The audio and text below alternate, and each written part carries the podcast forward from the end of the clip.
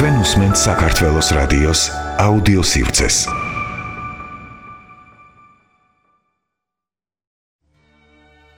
თითქოს და ორი სიტყვით უნდერთიმი ფეგურთი ომამდელი ავსტრია გავიხსენეთ მატიას შინდელარის და მისი საინტერესო ტრაგიკული და ლამაზი ისტორია. ეს არის ნორმალური მოქალაქის რეაქცია, ეს არის აზროვნება სახელმწიფოებრივად. ას რაღაცებს იზრდებიან ალბათ თაობები და ამგვარი ქმედებით იყვებება ის ხე, რომელსაც თავისუფალი ქვეყანა ქვია. და როგორც შეიძლება მსგავ შემთხვევაში ხდება, ადამიანი რომელსაც თავიდან ბოლომდეა გათავისებული თუ რა არის მისთვის ის ქვეყანა, ის სახელმწიფო, რომელშიც ის ცხოვრობს, რომელიც არა მარტო პირადობის მოწმობაში, არამედ თელი სხეული და შეგნებით ატარებს სახელმწიფოს მოქალაქის სახელს, არც არასოდეს არ გადმოგდეს ფანჯიდან, არც საჭმლის ნარჩენებს და არც არასოდეს არ დასვას ალბათ შეკითხვას, კი მაგრამ მე რა გამიკეთა ამ ქვეყანამ. ეს ახლა არც ლოზუნგია, არც არაფერი. მაგალითად, გავიხსენ თუნდაც 2011 წელი, 11 მარტი, ხო? ხვდებით, ხო? ფუკუსიმას ატომურ ელექტროსადგურზე მომხდარი კატასტროფაზეა საუბარი. გახსოვთ კადრები, იაპონელი მაშველები, სხვადასხვა სათანადო სამსახურების და სხვა შეულებრივი მოქალაქეები, რომლებიც გაიხსენეთ მიუხედავად საშინელი ქაოსისა ბრბოთ არ გადაქცეულა. რა გმირობები ჩაიდინეს? გახსოვთ ხო? შეიკრიბნენ მოხალისეები, ასაკოვნები ძირითადად პოლიციელებისგან და სხვადასხვა სპეციალისტებისგან დაკომპლექტებული რაზმი შეიქმნა. ეთეთ სამოსი დამცულ სამოსებში და როგორ შევიდნენ აი ეს რეაქტორში და როგორ დაიწყეს იქ მუშაობა იქიდან, რა ვიცი, ვინღა გადარჩე ხო? ალბათ არცეთ იაპონელს არ მოსულია. თავში იდეა, რომ დაესვა შეკითხვა თავისი ქვეყნისთვის, რომ კი, მაგრამ შე რა გამიკეთეო? არც ალბათ იმ 400-მდე მეხანძრეს და 100 ნიუ-იორკელ პოლიციელს არ დაუსვია მსგავსი შეკითხვა. ხვდებით 2001 წლის 11 სექტემბერზე ვლაპარაკობთ. აი დაუფიქრებლად დაიწყეს თავიანთი მოვალეობების შესრულება, რომელიც იმ მომენტისთვის იმ ქვეყნად საბოლოოა მოშთამათი დაიღუნა ყველანი. მაგრამ არც ეს არ დავიწყებია, რომ ისინი იყვნენ ნიუ-იორკელი მეხანძრეები, პოლიციელები, ექიმები და ასე შემდეგ. სხვადასხვა აი ვერცად ირლანდიურ პაპში ვერა ვერ გაბედავს და აზრადაც არ მოუვა აი რადონის ნაძერალად და უპრინციპოდ არ უნდა იყოს ადამიანი, რომ კაცებზე ქვინ შეუკვეთოს, ხო? ეს ინგლისის, ბრიტანეთის ჰიმნი. არ არსებობს, ეგეთ რაც არ ხდება. ებრაელები არ ჯდებიან გერმანულ მანქანაზე, იმიტომ რომ ახსოვთ რაღაცეები. და რახან ასე წავედით, ძალაუნებურად ჩვენზეც უნდა ვილაპარაკოთ, ხო? არა, არსებობს უამრავი სიმბოლო კიდევ, საერთოდ. ეს არის დროშა ჰიმნი ვიღაცეებისთვის ეს არის ნუ რაღაც ას შუაში არა საჭიროა და უამრავ რაღაც მსმენია მეც.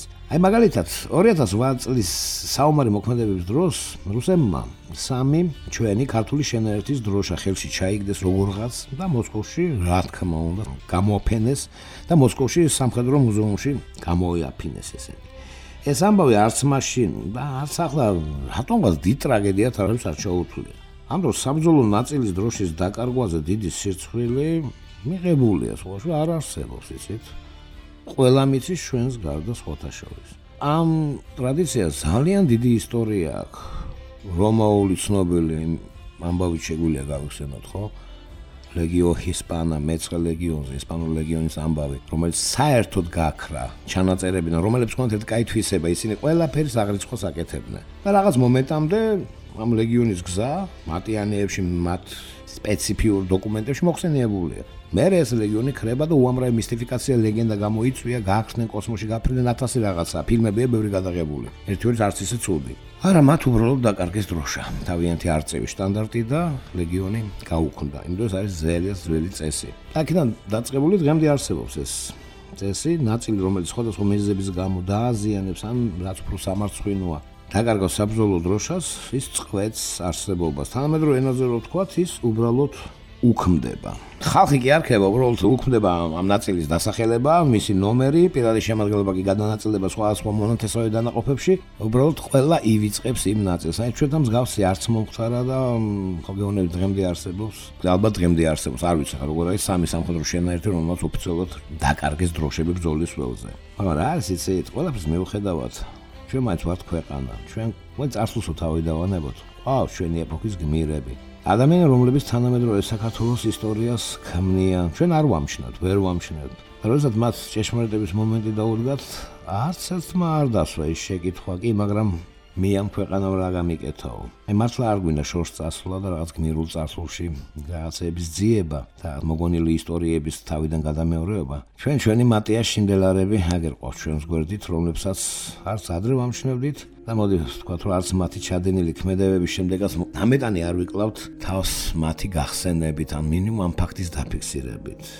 მეოთხე ქვეითი ბრიგადის 51 ბატალიონის უმცროსი სერჟანტი. კი, გიორგი ანწუხელიძე. რომლის გმირობა სადღაც 300-400 წლის წინ არ მომختარა და მატიანეში არ ამოგუკითხია, ხო?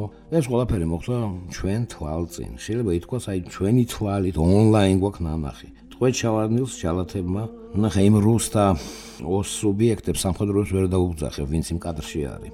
ეროვნული დროშის შეურაცხყოფა მოსთხოვეს. მე რაც მოხდა, ყველა ყველაფერი კარგად ვიცი და ბევრს აღარ გავაგზავნებთ. აი ეს მოხდა ეხლა ხანს, ხო? პატრიოტიზმი და გმირობა მარტო სამხედრო საქმიანობა რომ არ არის?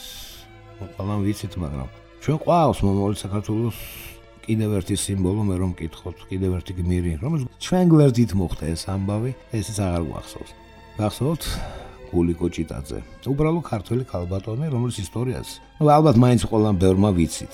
არც მან დასვა ის ნობელის შეკითხვა რომელიც დღეს ამდენჯერმე გავიმეორე მე რა გამიკეთა სამშობლომ და როდესაც თბილისის ზოოპარკმა წყალდიდობის შემდეგ დაიწყო დატბორვა გულიკონ დაუფიქრებლად თავისი პროფესიული და მოქალაქრეულ მოვალეობის შესასრულებლად მეუღლესთან ერთად სხვათა შორის სტიქიის ეპიცენტრში გაემართა. ის ხომ მომლელი იყო გახსოვთ ხო?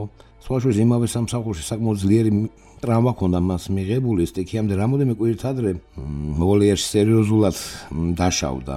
ერთი წამით ეს ქალბატონი არ დაფიქრებულა მაგრამ უბრალოდ თავისი ცხოველები უნდა გადაერჩინა და გაემართა გაქანდა ზოოპარკში. გულიკო ჭირაძე დაიყობა კი ბატონო. აი საიდან სად გადავედით ალბათ სემუელ ჯონსონიდან დავიწყეთ რაღაც პატრიოტიზმზე, ნაძილებზე. აზრი იყო ამ დღევანდელი საუბრის რომ მაინც მე თქვა რომ ეს ტერმინი, ეს ფრაზა რაც სემუელ ჯონსონმა თქვა, ნუ თავიდან ბოლომდე კონტექსტიდან ამოღებულია და მე წაიღო და წაიღო. უბრალოდ ვიტყვი რომ ის კაცი რომელიც თავის ქვეყნის მართლა სერიოზული პატრიოტი იყო, სემელ ჯონსონზეა საუბარი. კაცმა რომელმაც პირველი ლექსიკონი შექმნა ინგლისური ენის, მას ძალიან უყვარდა თავისი ინგლისი კონსერვატორული, მაგრამ მაინც ეს ტერმინი ხოლო და მხოლოდ ერთი მოსაზრებით ეს ფრაზა, რომელიც მე მართლა ძალიან უშნოდ გამოიყენეს ბევრმა, მან თავის მტრებს უწოდა ნაძილები და მე აგზელებს, რომ აი თქვენ როგორც ნაძილების ბოლო თავშესაფარი პატრიოტიზმი გახთაო. ჩვენ კი ერთი ფაქტი გვაქვს, ახალმა საქართველოს მართლა უამრავი ახალი გმირი გვაჩუქა, რომელსაც იმის მაგივრად თუ აი რაღაც ზეგლები დაუდგათ, პირდაპირ და გაატაეთი ნიშნულობით ვიძახი. რაღაც მომენტში ეროვნულ სიმბოლოებად, რაღაც გარკვეულ იდეოლოგიაში მოხდეს მათი გახსენება. ჩვენ უბრალოდ ბანალურად როგორც ჩვენ ხშირად გვჩვევია, უამრავი მაგალითის მოყვანა შეიძლება, მათ უბრალოდ ვივიწყებთ. ეს სხვადასხვა ასპექტებში გამოიხატება, ეს მათი დავიწყება აქ ახლა ნამდვილად აღარ ჩამოთვლი. მაგრამ რა არის იცით, ზუსტად მათი მეოხებით იქნება ის რომ როდესაც ალბათ ოდესღაც მოგვიწევს უმცროსი თაობებისთვის რამე რაღაცნაი ქრესტომატიული მაგალითის მოყვანა თუ რა არის პატრიოტიზმი ალბათ დადგება ხო ჩვენ ცხოვრებაშიც ეგ მომენტი. რომ მოგვიწევს ახსნა თქვა შვილი შვილისთვის თუ რა არის პატრიოტიზმი და რატომ არ არის ეს პატრიოტიზმი არამზადმის თავშესაფარი? და რას ნიშნავს საერთოდ შენი ქვეყნის შვილობა და მოქალაქეობა? უკვე საკმაოდ თამამად შეგვეძლება უთხრათ მათ რომ აი ბავშვებო თქვენ გიორგის და გულიკოს გორისანი ხართ. რა ვიცი. კარგად იყავით.